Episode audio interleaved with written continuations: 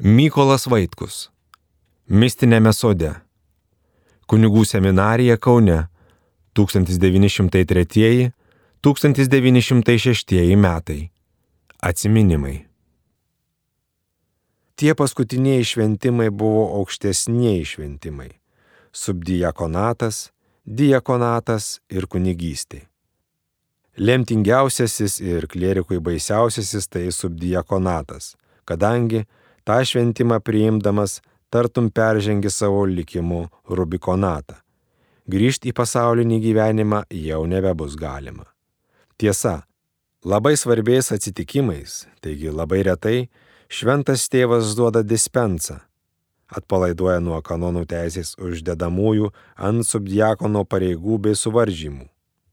Bet prieš tuos šventimus kandidatai apie tą retą atvejį negalvoja. Vien žino faktą, jog žengia galutinį žingsnį ten, iš kur nebebus galima sugrįžti. Pasiliksi Kristaus kareiviu visai amžinybei. Čia turiu pabraukti, jog prieš subdiakonatą priimant mus gazdino ne tai, kad nebetšaukiamai turėsim pasilikti Kristaus kariuomeniai, kad tuoj teks visam išsižadėti kai kurių žemės malonumų. Juk su labai nedaugeliu išimčių į seminariją buvom įstoję kaip tik to padaryti ir tai buvo mūsų idealas. Bijojome vien to, ar tikrai neklystame, verždamiesi į kunigus, ar turime pašaukimą, ar nesilaužėme kaip vagys ir plėšikai į viešpaties šventyklą, kur ne mums vieta. Juk tai būtų dideliausia nuodėmė, kurios pragaikštingos pasiekos būtų tiesiog neapskaičiuojamos savo patiems ir kitiems. Per ketverius jau metus vyravom ir būkštavom, ir trokšdami, ir bijodami esą neverti tos amžinosios kunigystės pagal Melchisedeko pavyzdį. O kad reiks to žemiškai malonaus išsižadėti, vai Dieve anuomet mums atrodė, be dideliam daugumui, tokie menkniekiai lyginant su ta kunigystės garbe, jos troškimu ir šiurpulinga baime, jo gal esame jos neverti ir galime nusikalsti neapsakomai žemu, judošiškumu bei pasibaisėtina šventvagystė. Juk nesugedusios jaunos širdys buvo pilnos keistaus idealizmo. O kogi turėjom įsižadėti, kokių didesnių turtų susikrauti ir jais nevaržomai gyvenime pasigirėti. Apie tai jaunos idealistų širdys nesvajoti nesvajodavo. Jie žinojo, kad už jų tarnybą žmonės parūpins jiems bent minimum pragyventi ir šiek tiek atsilyginti saviesiems už keliolika metų pasiaukojimų. O kas atliks, jei atliks, jie galės panaudoti svarbiam kultūriniam uždaviniui, leisti į mokslus gabesniuosius savo šeimų narius, nekalbant apie katalikiškų įstaigų, laikraščių, knygų palaikymą, visą tai ateityje sąžiningai atliko. Išsižadėti laisvesnio bei linksmesnio gyvenimo būdo, daugelio pasismaginimų bei pramogų, betgi tai anuomet mums atrodė tokie niekai, lyginant su aukštu mūsų uždaviniu. Pagaliau per keliarius metus seminarijoje save išbandėme ir įsitikinom lengvai galybę tokių dalykų apseiti. O juk esama daugybė visokių padorių gyvenimo malonumų, kurie šalia mėgstamo darbo gali maloniai užpildyti laisvas valandas. Mokslai, knygos, muzika, daina, menas, rašomoji kūryba ir taip toliau. Išsižadėti didelės dalies savo laisvės ir visiškai pasiduoti popiežiaus bei vyskupo autoritetui, būti lyg kareivių kariuomeniai po griežta viršininkų valdžia, tai mums netrodė anuomet niekiek sunku ar nemalonu. Labai gerbėme dvasinius savo vadovus bei mylėjome, netgi tokius kaip Kriškijonas ar Liaus, lenkaujančius gerbėme ir gana branginome, tad visai, pak... tad visai paklusti popiežiui ar vyskupui mums atrodė visai natūralu ir miela. Įsižadėti pasaulietinių drabužių ir nuolat dėvėti kuniginę uniformą, tokią skirtingą, tokią puolančią į akį? Na, čia tai mums nebuvo nuomet jokios problemos. Ir mes patys, ir mūsų tėveliai bei artimieji laukte laukė, kai stojome į seminariją, kuomet čia pagaliau pasirodysim apsivilkę kunigiškai ir džiaugės mus tokiu išvykę. Ir gėrėjus tuo tikrai estetišku kunigo sutonu. Ir mes patys džiaugiamės ir buvome pasiryžę niekomet jo neišsižadėti, nepaniekti, nesibodėti, juoba nesigėdyti. Mums anuomet būtų atrodę tiesiog nesuprantama, kaip galima nemėgti ar dargi gėdytis uniformos, rodančios mus esant narius katalikų bažnyčios, tos didingos, senovinės, garbingos organizacijos. Jos ar jos uniformos nebranginti, jei nesididžiuoti būtų anuomet mums atrodę esant žemą šiaudadušiškumą, nuostabų neišmintingumą, keistą savęs negerbimą. Buvo dar vienas dalykas, kurio priimant aukštuosius šventimus reikėjo išsižadėti. Tai pilnutinės moters meilės bei moterystės. Apie skaistybės reikalą nei nekalbant, kadangi visi turi laikytis tos darybės. Taip, tai objektyviai imant vidutiniškam žmogui turėtų būti tikrai sunku. Jei taip, Tad kodėl aš tuose savo atsiminimuose beveik nieko nekalbėjau apie moteriškės rolę klieriko gyvenime, lyg tartum moterų nei nebūtų buvę jo pasaulėlį.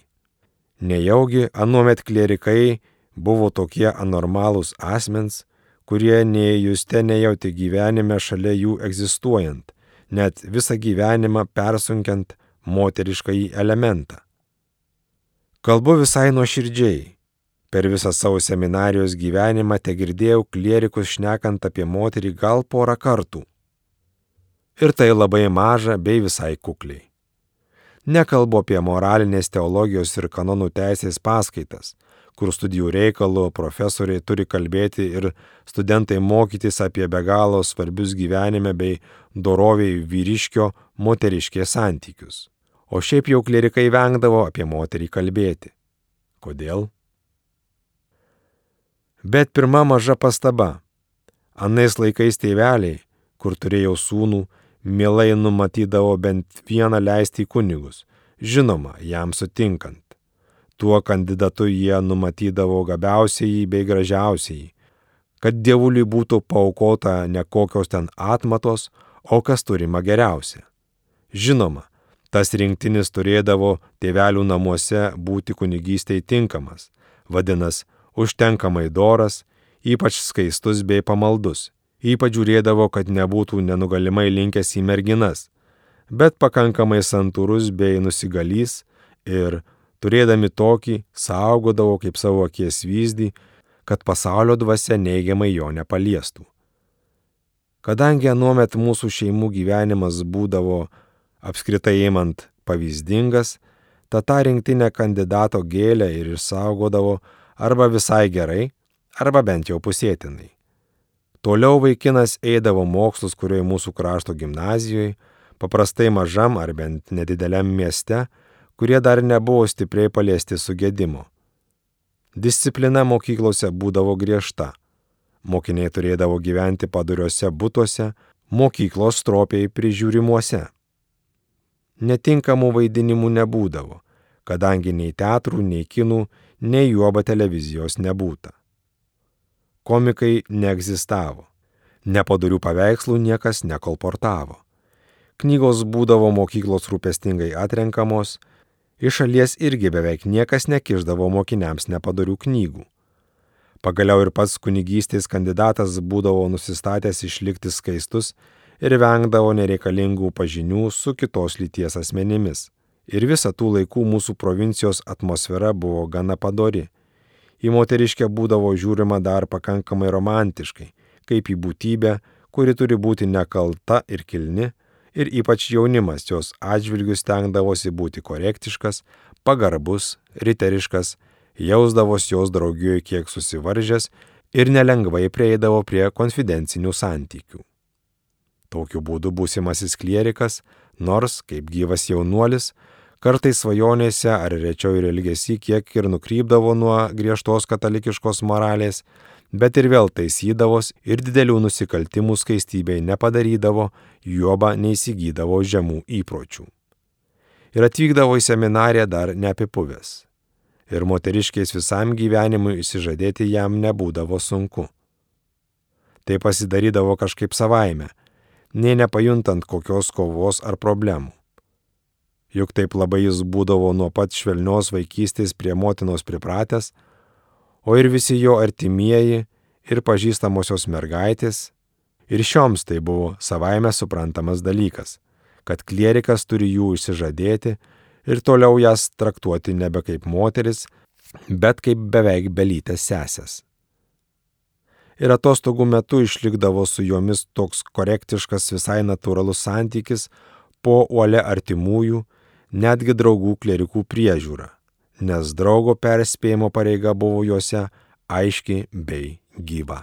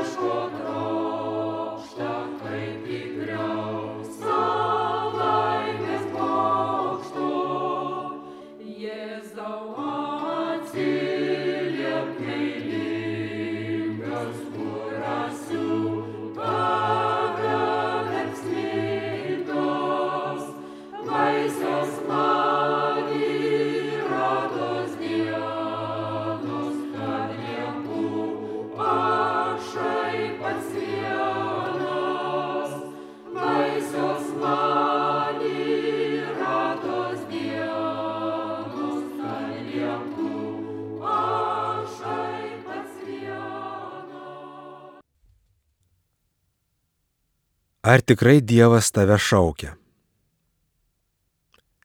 Peterburgas. Rytoj subdiakonatas. Mes, paskirtieji, baigėme aštuonių dienų rekolekcijas, ruoždamėsi prie to lemiamojo žygio.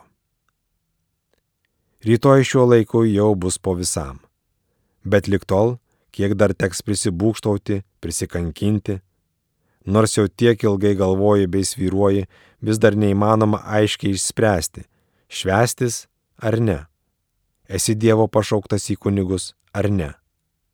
Tai svarbiausiasis, nepalyginti svarbesnis už visus klausimas. Kaip jau matėme, neišsižadėjimas, ko ten malonaus ar brangaus žemėje slegia širdį. Ne. Tai padarėme ir dar padarysime rytoj mielų norų bet tas grėsmingasis klausimas - ar tikrai Dievas tave šaukia? Vienas dalykas ramina. Viršininkai sako, turi priimti tuos šventimus. O juk jie nusimano, jie mus pažįsta, mes juk nuo jų nieko neslėpėme. O lieka dar vienas pagodos pilnas, nors vienkart baugus dalykas - mūsų dvasios tėvas atliksim jam visuotinę išpažinti ir tai jis ryštas te pasako mums taip ar taip. Eikit, priimkit subdiakonatą arba ne, neikit, neimkit, nes nesate verti. Tai ir padarysim. Prie jo nutarimo prisitaikysim. Ir Dievo valia. Bent kartą nurimsim. Atskleisim dvasios tėvui kaip atvirą knygą visą praeitą į gyvenimą nuo kūdikystės lik seminarijos, kad žinotų, kokie pirmą buvome ir nuo įstojimo į seminariją lik šiol, kad žinotų, ką per tą laiką savo dvasios būsenai padarėme, ką pasiekėme darybės keli, kiek įgyjome atsparumo nuodėmiai ir ar turime bent kiek panašumo į gerą kunigystės kandidatą. Mes buvome trys lietuviai - Vladas Jurgutis, Jonas Jucius ir aš. Jurgutis su Jucium atliko išpažinti be ne pas tą mūsų mėgstamąjį filosofą kunigą profesorių Feliksą Dževickį, tokį pasišiaušusi išmintingą keistuolį bei auksą širdį, praktišką, plačiai žiūrinti žmogų, kuris iš triušio nedarydavo dramblio, o palinkusi augmenėlį atitiesdavo ir iš šiaudadūšio mėgdavo daryti vyrą ir aš pas jį mielai nuėdavau iš pažinties. Bet štai atvyko čion profesorius kunigas Jurgis Matulevičius. ir aš prisiplakiau prie jo. Ir nesigailėjau. Dabar atlikau pas jį išpažinti, pasivesdamas jo sprendimui. Jis sprendė. Imk šventimus. Ir aš nurimau. Taip jį gerbiau ir juo pasitikėjau. Ryto metą nusiskubinome į katedrą. Taip buvau susijaudinęs, jog nieko nebeatmenu, kaip ten nuvykome, kaip apsitaisėme iškilmiai, kaip atrodė katedra, net kokia buvo vyskupo Jačevskio išvaizda. Išėjome į presbiteriją, sugulėme kniupščia. Niekas neatsikėlė ir neišbėgo iš baimės, kaip kad retkarčiais atsitinka. Ir nuostabu, netų didingų ceremonijų niekiek nebeatsimenu, vien kažkoks rūkas. Pasibaigus šventimui grįžom į Zakristiją, kaip perkankintos aukos, bet kažkaip ramu ir gera buvo dvasioj. O pavargęs jaučiaus kaip ligonis, bet sigaunas po sunkios lygos. Kas panašaus dalyko nėra išgyvenęs, negalės visiškai atjausti, kaip jautėmės. Vadinasi, pasibaigė sviravimo, nerimo, kankinių laikas. Dabar nieko nebeatšauksi, niekur kitur nebepasuksi. Dabar kelias aiškus. Lygi amžiaus galo būsi bažnyčios karys, žinas, ką darysis šiandien ir rytoj ir per visą amžių. Koks tai jaukus, palaimingas jutimas. Po dviejų dienų to paties vyskupo Jačevskio buvo mums suteiktas ir antrasis aukštesnysis šventimas - diakonatas. Dabar jau stovime paskutiniajame laipsnį prieš pat kunigystę. Jau galime dalyti žmonėms švenčiausiai sakramentą. Po to prabėgo kaip mirksnis keletas mėnesių. 1908 m.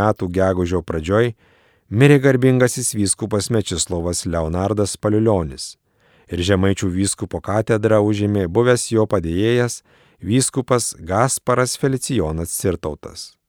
Kai 1907 m. pradžioj buvęs mūsų seminarijos rektorius, prelatas Antanas Karosas buvo švento sosto paskirtas Žitomiriaus vyskupų padėjėjų, jo vietą seminarijoje kaip rektoriaus gavo vyskupo padėjėjas Cirtautas.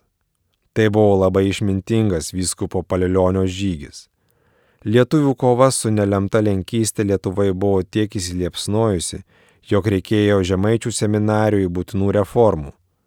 Visų pirma, pašalinant liūdnai pagarsėjusi savo lenkišką aistrą kanauninką Kriškijoną inspektorių ir pastatant rektoriumi lygų savo vertę karosui, o turintį neblogą vardą lietuvių patriotų tarpe, kaip saikingą žemaitį, į lietuvių lenkų kovas nesikišusi, bet teisingą, abiem šalim ir užjaučianti lietuvių reikalus.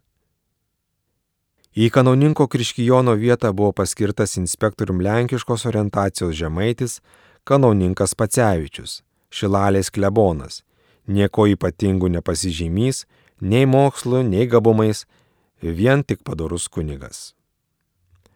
Po vyskupo Paliulionio laidotuvių tuo išvykau į Kauną pas naująjį vyskupijos valdovą ir seminarijos rektorių tikėdamasis, jog jis lengviau sutiks išleisti mane kuriam laikui į užsienį, į kurį nors garsesnį universitetą pasiklausyti vakarų Europos katalikų teologijos bei filosofijos. Neapsirikau. Vyskupas Cirtautas be jokių priekaištų sutiko, kad važiuočiau į Austrijos Innsbruko universitetą, pirmą įsišventinęs kunigu. Šventimai turėjo būti čia pat gegužės 18-31 dienomis ėmėme kunigų šventimus apie 18 klierikų. Be manęs ėmė šventimus be nedar šie - Adomavičius, Baršys, Banziulis, Cynis, Galinauskas, Gendrėnas, Inčiūra Jurgis, Jonauskas, Laugalys Jonas, Lumbė, Malinauskas, Polonskis, Purickis, Stasiulionis, Vilčinskas, Žebrauskas. Rekolekciją sėdėjome aštuonias dienas. Jau toli gražu nebebuvo tiek susirūpinimo bei baimės, kiek prieš subdiakonatą, nes čia nebekilo pašaukimo klausimas, o vien stengtasi aiškiau įsisamoninti kilnes kunigo pareigas ir tvirčiau pasirašyti jas sažiningai eiti. Vai, kas to nenorėtų. Tad dėjomės ir dėjomės į širdį, jog būsim ištikimi savo Jėzui. Rekolekcijas laimingai baigėme. Dabar susijaudinę ir džiaugdamiesi laukime rydienos, kada didysis kunigas pašves ir mus kunigais. Juk tai tokia svarbi, tokia didinga diena mūsų šiame gyvenime ir visoje amžinybei. Nebeatsimenu, ar tą naktį ilgai miegojau, bet laukiau ir bijojau, ir džiaugiausi ir meldžiaus, gal kraščiau nei kada nors. Ir štai jau mes, keliolika laimingųjų savo senutės seminarijos bažnyčios presbiterijoje, ir tas šventasis vyskupas Gasparas I ir vienintelis, o gal ir paskutinysis, tas didingasis ir paprastasis Abraomas patriarkas, tas taikingasis, pradeda didingas apeigas, per kurias įvyks tiesiog neįtikėtina permaina. Iš paprastų jaunuolių pasidarys aukščiausiojo kunigai visai amžinybei, nebeišdildomai nei šventume, nei nuodėmiai, nei danguje, nei pragare. Viskas lyg stebuklingas sapnas, o vienkart skaidri tikrovė. Tiesiog netiki savo ausimis, kai didysis kunigas tave pašvesdamas tarė im gali atleisti nuodėmės vardant tėvo ir sūnaus ir šventosios dvasios. Im gali daryti viešpaties Jėzaus Kristaus kūną ir kraują ir atnašauti šventųjų mišių auką vardant tėvo ir sūnaus ir šventosios dvasios. Im gali skelbti Evangeliją vardant tėvo ir sūnaus ir šventosios dvasios. Argi tai galimas dalykas? Tokios antžmogiškos galios ir tu, menkas žemės kūdiki, esi dabar tiesiog milžinas. Ir tos pirmosios, nuostabiosios, graudingos šventos mišios, kurias čia visi 18 naujų kunigų drauge su savo galva vyskupų šventintojų laikome. Kai atėjo momentas, kada reikia drauge su juo ištarti tuos galinguosius žodžius, kurie patį viešpati Jėzų atkvies iš aukštybių ant šio štai altoriaus ir jį įkūnys į duonos bei vyno pavydalus, tai siaubas ir džiūgavimas pripildė dvasę. Pasibaigė kilnus vyksmas. Išėjome į dieną, jausdamies galingi, pasiryžę darbuotis, kovoti, ištverti, mylėti visus, gerą daryti, kilti į aukštybės. Ir visur bei visuomet būti su juo nes juk be jo mes niekas. Betgi šventas povilas drąsina ir įkvepia vilties. Visą įstengiu padaryti, laikydamasis jame, kuris mane stiprina. Anomis šviesiomis valandomis nemastėme, jog gyvenimas ilgas ir vingiuotas kelias. Ir vienas tik Dievas žino, kas ir kur būsime po kelių tokių vingių. Anuomet neprisiminėme amžinųjų senojo Terencijos žodžių. Homo sum humani nil ame alenium puto. Kai dabar, po beveik penkisdešimties metų, pasižiūrim, kurie dar gyvi į tą aušrinę praeitį, kaipgi liūdna pasidaro. Vai, kiek klaidžiota, kiek lupinėta, kaip toli pasilikta nuo to, ką reikėjo pasiekti, kokių neištikimų Kristaus karių mūsų būta ir nori sverkti ir ką nors daryti.